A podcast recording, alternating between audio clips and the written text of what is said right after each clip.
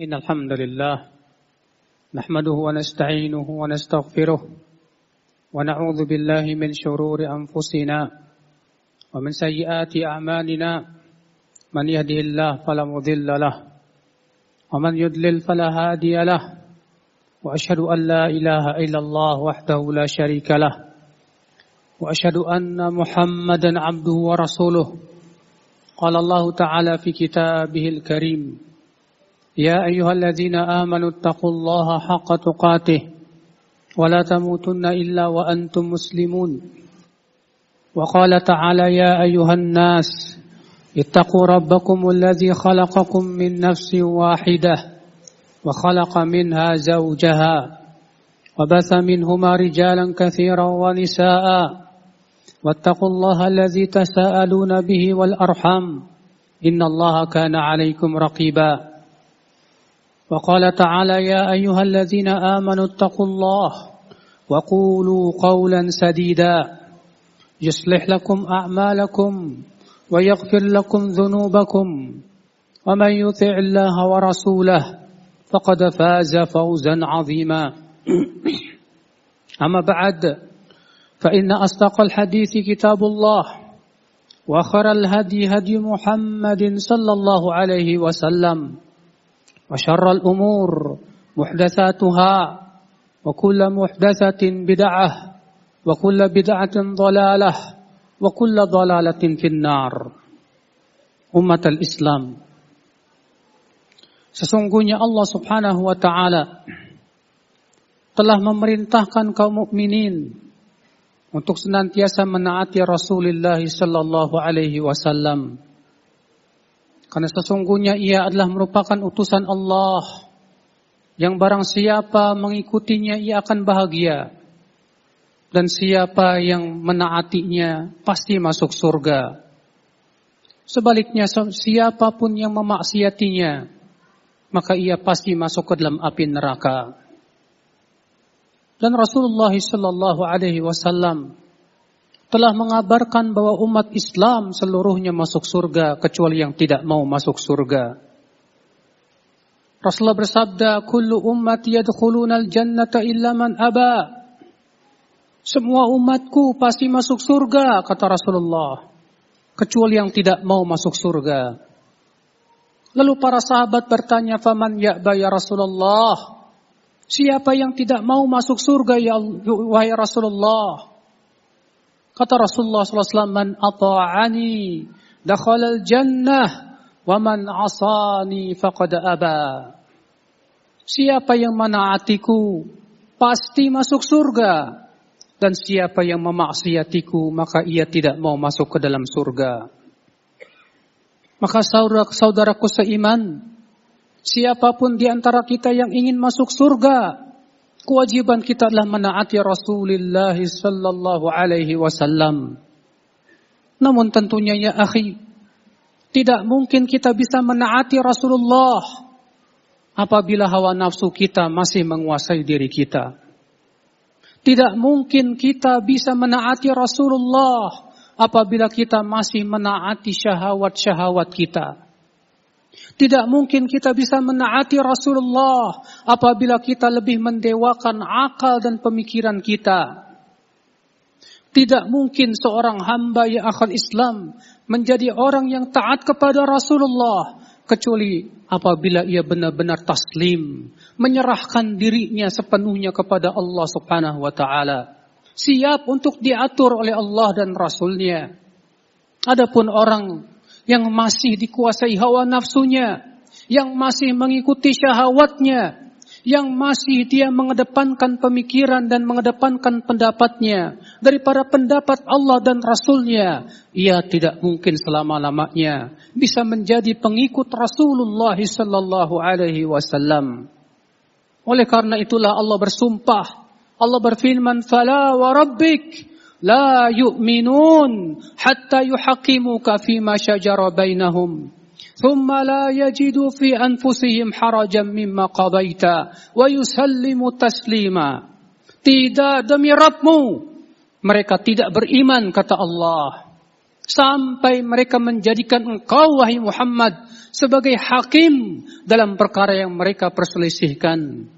Kemudian mereka tidak merasa berat untuk menerima keputusanmu dan mereka taslim menyerahkan diri dengan sebenar-benar penyerahan.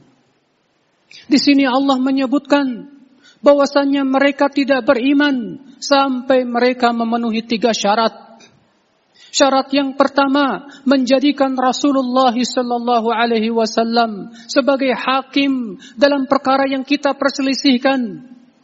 Syarat yang kedua menerima keputusan Rasulullah bukan dengan hati yang berat tapi dengan penuh kegembiraan. Dan yang ketiga umat al-Islam yaitu kita taslim menyerahkan diri kita kepada Rasul kepada Allah Subhanahu wa taala mengikuti dengan penuh hati yang ridha terhadap semua yang Rasulullah perintahkan kepada kita. Maka ya umat al-Islam, seorang hamba ya akal Islam tidak akan tidak mungkin menjadi pengikut Rasulullah yang sejati apabila ia masih mengedepankan kehidupan dunia daripada kehidupan akhiratnya. Apabila yang ia pikirkan hanya sebatas kesenangan dunia dan syahwatnya, ia tidak akan mungkin menjadi pengikut Rasulullah yang sejati. Karena perintah-perintah Rasulullah sering kali bertabrakan dengan kepentingan dunia kita. Larangan-larangan Rasulullah sering kali sesuai dengan syahwat kita. Sehingga tidak aneh apabila ada orang berkata, mengapa agama ini berat sekali, ini dilarang, itu haram, itu tidak boleh. Mengapa dia berkata demikian? Karena ia masih mengikuti syahwatnya. Karena ia masih mengikuti hawa nafsunya. Berbeda dengan orang yang siap diatur oleh Allah dan Rasulnya. Ketika ia mendengar perintah, dia berkata, Sami'na wa ata'na. Kami mendengar dan kami taat. Ketika ia mendengar larangan, ia berkata sami'na wa ata'na. Kami mendengar dan kami taat. Ia yakin bahwa perintah Allah pasti maslahat. Ia yakin bahwasanya larangan Allah pasti mudarat. Sehingga ia sebagai seorang hamba yang sejati kepada Allah. Ia senantiasa tunduk kepada perintah Allah dan Rasulnya. Mereka lah orang-orang yang akal Islam yang bisa mengikuti Rasulullah sallallahu alaihi wasallam Adapun orang yang masih mengedepankan hawa nafsunya, ia akan pilih-pilih perintah Rasul mana yang sesuai dengan seleranya, dia ikuti. Adapun kalau tidak sesuai dengan seleranya, ia tidak mau ikuti. Sehingga akhirnya agamanya ia mainkan sesuai dengan keinginan hawa nafsunya. Bahkan ia ingin bahwasanya agamanya bisa diubah-ubah sesuai dengan keinginannya maka merekalah akal Islam, orang yang paling sesat di dunia. Allah mengatakan waman adallu mimman ittaba'a hawahu bighairi hudan Allah. Siapakah orang yang paling sesat kata Allah dari orang yang mengikuti hawa nafsunya dengan tanpa petunjuk dari Allah Subhanahu wa taala. Kita dalam beragama akhi bukan sesuai dengan selera dan hawa nafsu kita. Kita dalam beragama ya akhi, kita mengikuti seluruh perintah Allah. Kita mengikuti seluruh apa yang Allah perintahkan kepada kita dan tinggalkan semua yang dilarang oleh Allah dan Rasulnya. Berarti kita telah masuk Islam secara kafah. Kita telah masuk Islam secara keseluruhan. Allah mengatakan, Ya ayuhalladzina amadu khulu fis silmi kafah. Wahai orang-orang yang beriman, Masuk Islamlah kalian, masuklah kalian ke dalam Islam secara kafah, secara sempurna, bukan sebagian-sebagian, bukan dipilah-pilah sesuai dengan keinginan dan hawa nafsu kita. La wallah ya akhal Islam. Itulah kebahagiaan siapa pun seorang hamba yang mau menyabarkan dirinya untuk menaati Allah dan Rasulnya Siapa pun seorang hamba yang mau sabar untuk meninggalkan larangannya, ia pasti akan bahagia di dunia dan akhiratnya. Aku lu qawli hada wa astaghfirullah li.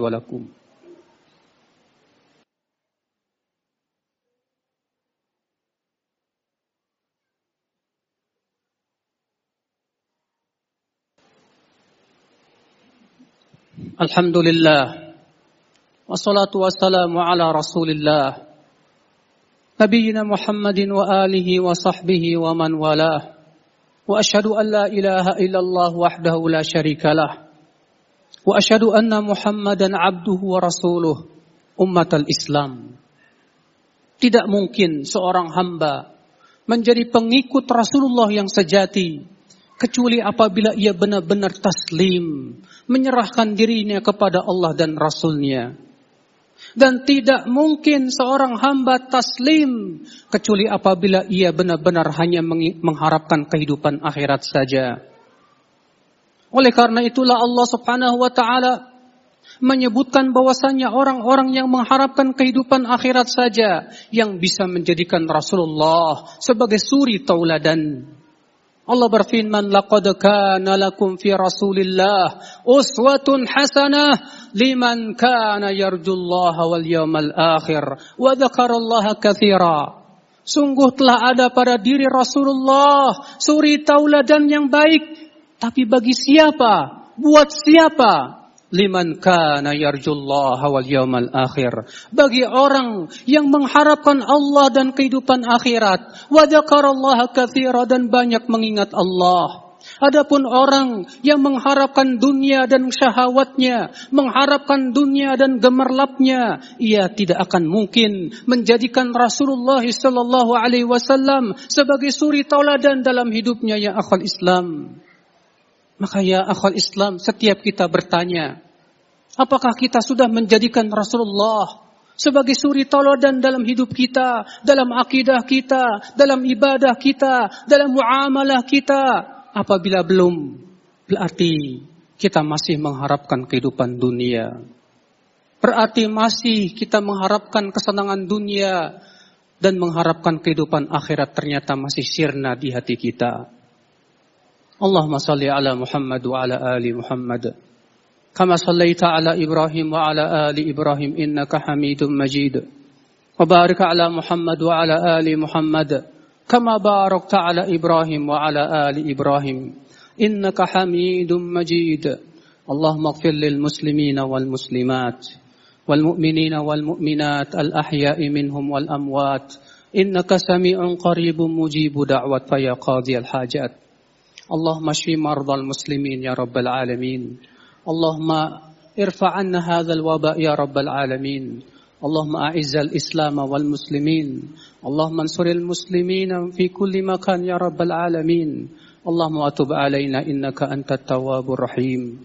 اللهم آتنا في الدنيا حسنة وفي الآخرة حسنة وقنا عذاب النار. صلى الله على نبينا محمد. وآخر دعوانا أن الحمد لله رب العالمين.